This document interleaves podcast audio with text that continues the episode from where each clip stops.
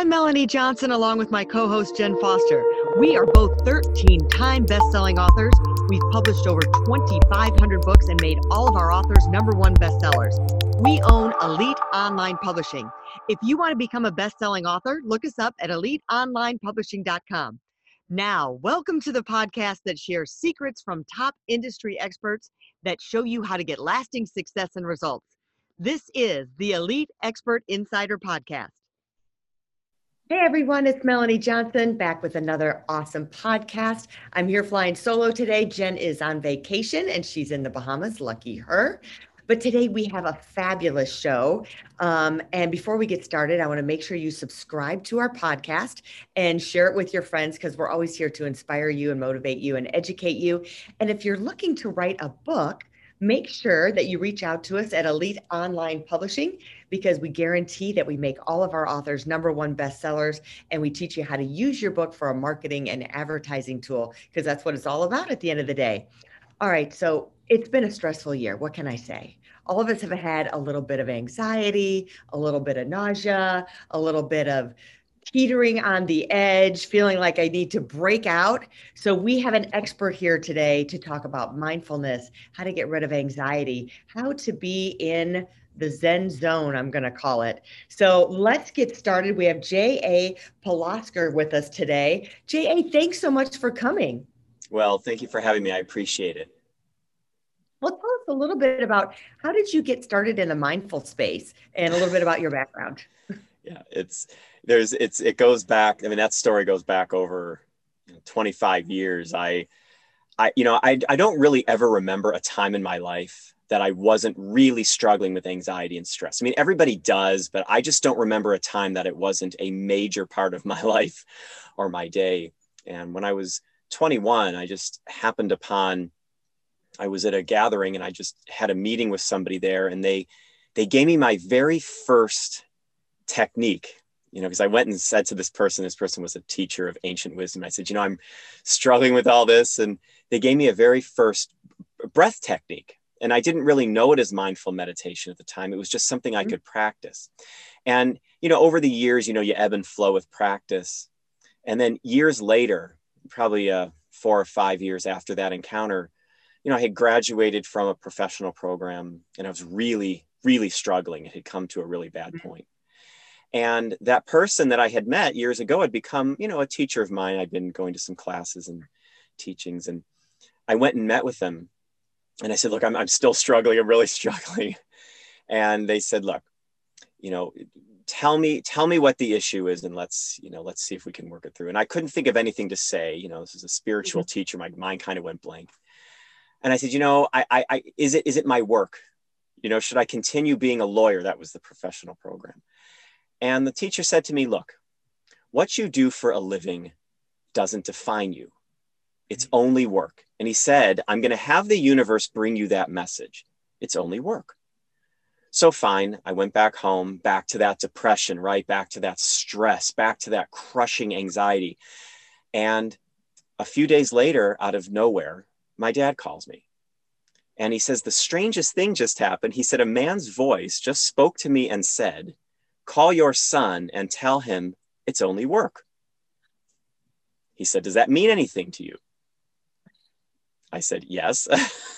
and the reason that's important is because at that moment, for the first time in years, I was completely present. And I realized that this dropped into my life in one moment. And I was giving my life over to regret about career choices, anxiety about what was next. I was never present, I was never here. And that moment just smacked me in the face. And I started to dive in again, back into that ancient practice I had learned, into the ancient wisdom I had learned in my comparative religion courses and through teaching it. And that was the moment that I really started to pursue it seriously because I couldn't ignore that moment and I had to do something about it. And it all started with that breathing technique. Very powerful, mindful technique. So can you share the breathing technique with us? Is it able to do like a through video through audio and video? Sure. So when I had first expressed my concern to this teacher, you know when we're really stressed or anxious we don't think we can do anything right we're our mm-hmm. mind is racing right is the buddha's that monkey mind jumping around and so my this teacher calmed me down and said can you sit and i said yes. And he said can you stare at a wall? Can you stare at the floor? I said yes. He said can you breathe? I said yes. He said all right so here's what i want you to do. He said sit calmly and put your focus on something. He said, it can be the carpet, it can be the wall, it could be your breath. He said, just breathe naturally if that's where you want to focus. He said, anytime your mind strays from breath, gently bring it back to breathing over and over. Now, this is an ancient technique. Now, I didn't know that at the time. I just went and started doing this. So basically, it's sit and pick a point of focus and concentrate. Anytime your mind strays from that point of focus, gently bring it back. And mindfulness is the awareness of the straying mind and the gentleness of bringing it back without judgment. So you you have a point of focus which is the meditative piece mm-hmm. but then the mindfulness grows from that. And over time you expand your awareness you expand your awareness and you actually become the observer of your life. And it dials down the stress and it dials down the anxiety. You don't have to do it with that technique that's the first one I did. I'm still doing it over two decades later, and it really has changed my life. And you know, I know some people with anxiety, they have this voice in their head that is telling them something, whether it's um, I'm not enough, or it's a worry, or it's even um, I've had dealt with people who've had like a voice of um, religious anxiety where they're saying, "Oh my gosh, what if I don't believe in God? What if I don't believe in God?" Right. and or or something like that and how do you get that voice i have always equated it's like a bully in your yes. head and then yes. um and one technique that I learned is just say, yeah, you're right. Fine. I do do that. It's like calling someone fat. Yeah. So I'm fat. Big deal. So now, but then the bill is like, oh, well, now I can't say that. But then your mind raises the bar and it picks something else or goes further. How do you quiet that? Is it the same technique or are there other things that you can share? here's here's something that I learned over years of working with clients when I was a, social work counselor. I, this came up all the time, whether it was in group or mm-hmm. individual sessions. These these these minds that scream at us and persecute us all the time. That's very normal. What I've found works for me, one of the things I've done that works for me is I name I name the thoughts. So let's say I'm sitting and doing that meditation technique, right? I've picked a point of focus, it's my breath. Mm-hmm all of a sudden my mind starts to go into i'm not doing this right or this isn't going to work i quietly without judgment right mindfulness is this being in the moment on purpose mm-hmm. without judgment when i when my mind starts that that used to be autopilot for me right constant yeah. constant autopilot what i do is i name the talk and that robs it of its power. So if my mind is saying that to me, I just quietly think or say to myself, anxiety. It's not real. And I gently reset my focus. If I'm in a conversation and I'm trying to practice this radical awareness of mindfulness around a conversation, right? Trying to observe it instead of being attacked by it, this would be a difficult conversation if I notice I'm feeling tense or stressful at what's coming at me from the other person, mm-hmm. I smile and I try to get a gentle affect in, inside. And I just think to myself, love.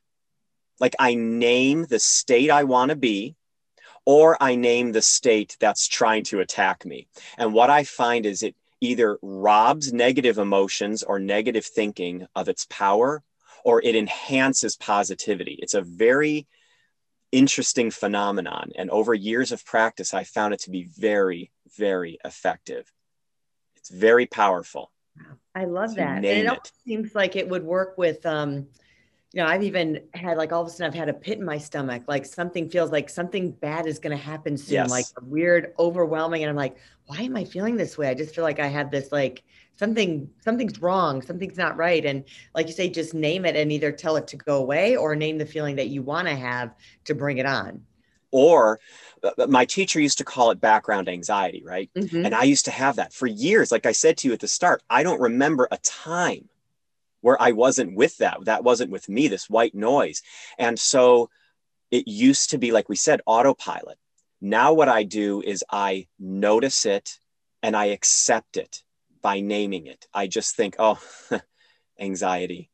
Oh, background discomfort. Is it magic? No. Mindfulness isn't magic, but it's also not a mystery. I mean, it, it does mm-hmm. have profound biological effects. I mean, it can change the structures of our brains. So, yeah. the important thing to do is to get in the flow of mindfulness by setting your intention to be present, mm-hmm. accepting the moment without judgment as best you can, and robbing that negativity of its power by not letting it get on autopilot. That's where anxiety really had its hold on me is it would happen without me even noticing it.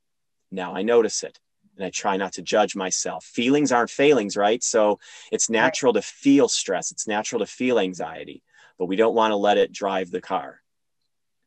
That don't let it drive the car. All right, so let's say we we get through the feeling. How do we tap into you talk about having energy and having more energy? What are some of your things to elevate energy um, and make intentions into and channel that energy into your business or your life or your family? What mindfulness helps me do is it helps me it's not always so much about creating a positive energy I, I, think what it's what it's more about is clearing that negative clutter mm-hmm. you know there's always sunlight streaming into the room right if mm-hmm. we but but if the curtains are closed and there's boxes piled everywhere we won't see it we don't necessarily need to create more sunlight. We just need to create space for it to shine. So, what you can do is think about your practice as slowly pulling the curtains open on the window and letting more light in, slowly organizing the spaces inside your mind so that mm-hmm. you can breathe in your space. You know, when you're writing and you have a lot of clutter in your office, right. that can kill your creativity. So, by creating more space, more room around your computer or wherever, you can actually enhance that creative flow. So think about mindfulness as a way to organize your internal world, to become aware of where the clutter is and where the negativity is. And don't let it hide there. And then that breathing technique, I notice if you want to talk about raising energy, I notice spending a few minutes breathing. So either what's called uh, 4 8 breathing. So you breathe in for four, out for eight, slow. In for four through your nose, blow it out through your lips slow for eight that can trigger you know that can reverse the fight or flight response mm-hmm. that can actually calm you down and that to me to me positive energy is calm energy so think of your mindfulness practice as a way of trying to be present clear the mm-hmm. clutter and give yourself space to be more in the flow that's how i like to think of it I love it. Clear, present, and mindful. And the thing is about the breathing, breathing can be so powerful. You, I don't think people realize how important to get that um, oxygen to your brain and to your body. And a lot of times when people are stressed, you're either having shallow breathing or you're holding your breath or not even breathing at all. That's um, right. You mentioned about intuition a little bit. How do we harness our intuition and use it to help us? Well, one of the things I struggled with for years was, you know, some people say, well, I got a bad feeling about this. My problem was that I always had this background anxiety, right? So I always had a bad feeling about things. And I think once we practice, if we practice mindfulness, if we practice these techniques, what we do is we clear out that space. For me, it's my gut, right? That mm-hmm. literally my gut. That's where I store everything. Some people get pains in their show. Me, it's my gut through practicing these techniques, I found that I've developed more of a sense of trust and clarity in what I'm thinking because I'm building what I consider to be filters to experience. Mm-hmm. So I mm-hmm. realize that not every piece of sensory input requires my immediate attention. Mm-hmm. And so I'm getting good at building filtration systems. So where intuition comes in is now if I get an intuitive hit, or I'm feeling a certain way about a person or a situation or maybe somewhere I should go, I'm more tuned in because I'm more able to trust my body because I'm training it to be calmer. And when I'm training it to be calmer, if I get a small hit of anxiety or a small hit of discomfort, I'm more apt to listen to it because I know it's not my ordinary anymore. mm. and that's that's that's been that's been life changing as well especially in decisions i've made around career around publishing around other mm. things in my life it's been very very potent and you know i the tuition kind of goes back to almost like putting it in the universe. When you, we started the the interview you said i'm going to put out to the universe that you're not what it defined by your work right work is not who you are. And then all of a sudden your dad called um, i mean is there a power to that for doing it for yourself and putting things out there and verbally saying things? And is there a certain way that people should do that well, I find that th- through mindful practice, remember we talk about clarity. So the mm-hmm. things I put out there now are coming not from a place of panic, like, oh, get me out of this, get me out of this. It's more of a relaxed, something that I, when I try to do, you know, we practice these manifesting techniques or we want to put good things out there. It's now coming from a place of clarity. So if you have a journal practice that you like to do, if you journal from a place of of resolve to be in the moment. You can really get in touch with what is it that you really really want. Because i think a lot of people say i want to get out of this job. So i'm just going to I, they panic and they're trying to create a, a new job a new job. Well really what they're creating is a state of panic. Mm. so and a lack. I wish i had a job that. So yeah. if you clear yourself and mindfulness is just one way to do it but if you can reach greater states of clarity through mindful practice then it's the things that you're manifesting or putting out there are not reactive right? They're responsive. You're responding to your environment. You're looking at things through a much clearer window and you're better able to select what you want. So you can say i am able to handle my job I will bring in a job that is fulfilling for me. And you do it from a place of calm instead of a place of panic. And what I've noticed in my own life, and I can only speak for my own life, is that situations that I would normally want to run from, I actually learn to accept and stay with because I realized that the th- I didn't really need to manifest something new. What I needed to do was try to become more calm and settled in what was here. And that's mm-hmm. something mindfulness has taught me. Is that true all the time? Of course not. But some of the time it is. Some of the time it is. Yeah, it's hard to it's all these things are a practice like you said you have to bring yourself back because it's not a perfect world and um and it's constantly practicing it and uh, staying on top of it and learning it. And you're offering a uh, a mindful guide for people. Tell us what's in that and that people how they can get it. Well, I created what's what I call the free mindfulness quick start guide, and you can find that at japlosker.com forward, forward slash links. And what it is, it's it's very simple. It's just a two-page guide, and it walks you through some simple exercises you can do, some gentle reminders. It gives you some journaling prompts for gratitude and things like that. And it's just a way. It's not overwhelming. It's not 500 pages of text it's just two simple pages to give you some ideas about ways that you can think about integrating mindfulness. And I love that you talked about practice because uh, you know my uh, on my Instagram channel or wherever I am, that's my big thing is mm-hmm. talking about integrating the practice of mindfulness into the life you have. It's yeah. not about going to retreats all the time. It's about washing a dish it's about sitting and breathing for 10 minutes. It's about feeling your feet on the ground as you walk, what that feels like. So the guide can help you do that.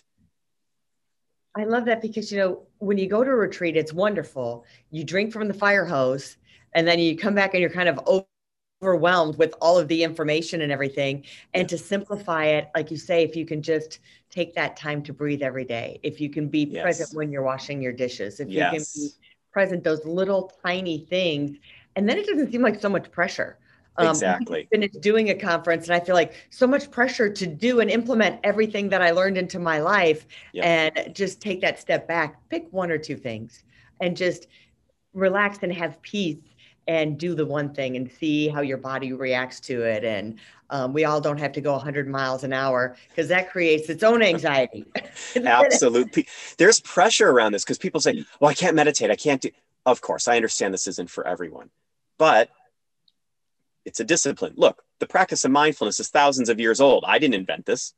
Right. My teacher, who said, you know, you know, it's only where he didn't invent that practice. This is ancient. And the reason it's ancient is because it's a discipline. It's Mhm. not here and gone. It stands the test of time because people have to practice it over time. And so I love that you say that. And the life you have, I sometimes I say the distraction is the practice. Because people say, well, I sat down to do mindful meditation. My mind's just wandering. Uh, yes, that's the practice. The practice of gently resetting your focus, gently washing the dish. You're, you start daydreaming. Oh, reset your attention to the dish. The distraction is the practice. Distraction return, distraction return year after year. That's what grows the garden. That's the water and the sunlight and the seed. It's all in one practice. And that's what's so beautiful about it. Yeah, like you can't go to the gym one time or two times and expect to have all these muscles, right? They have to Absolutely. develop and you get stronger and better at it every time you do it. Well, I truly enjoyed this interview, JA. Thank you so much for coming by. Remind us again where everybody can find you and reach you. They can find me at japlosker.com forward slash links. If they're interested in coaching, I offer a free 15 minute consultation. I do do mindfulness coaching. I coach authors, entrepreneurs, I coach empaths and sensitives. If they're interested, the free mindfulness quick start guide is there. And you can also find me on Instagram uh, at JA Plosker. Um, my wife and I are going to be developing. Um, we're developing a podcast. We're going to be developing all kinds of mindfulness resources. So if you get that quick start guide and join the mailing list, you'll get all the updates. So I just love to connect with people. Terrific. Thanks so much for coming. I learned a bunch today. I hope you did too, everyone. Um, reminder to subscribe to the podcast and share it and leave us a comment um, and leave us a review. We would love to hear from you. And if you're looking to take your information and your content and your story and make it into a book, contact us at Elite Online Publishing um, and we'll be happy to help you. We'll see you next time. Thanks so much. Hey, are you looking to increase your revenue, build credibility, and elevate your brand? This podcast is brought to you by Elite Online Publishing, an innovative publishing and full spectrum marketing company. They will publish and market your book to make it a number one bestseller. Becoming an author is the best way to market your business. So contact them at eliteonlinepublishing.com today. All of their authors become number one bestsellers.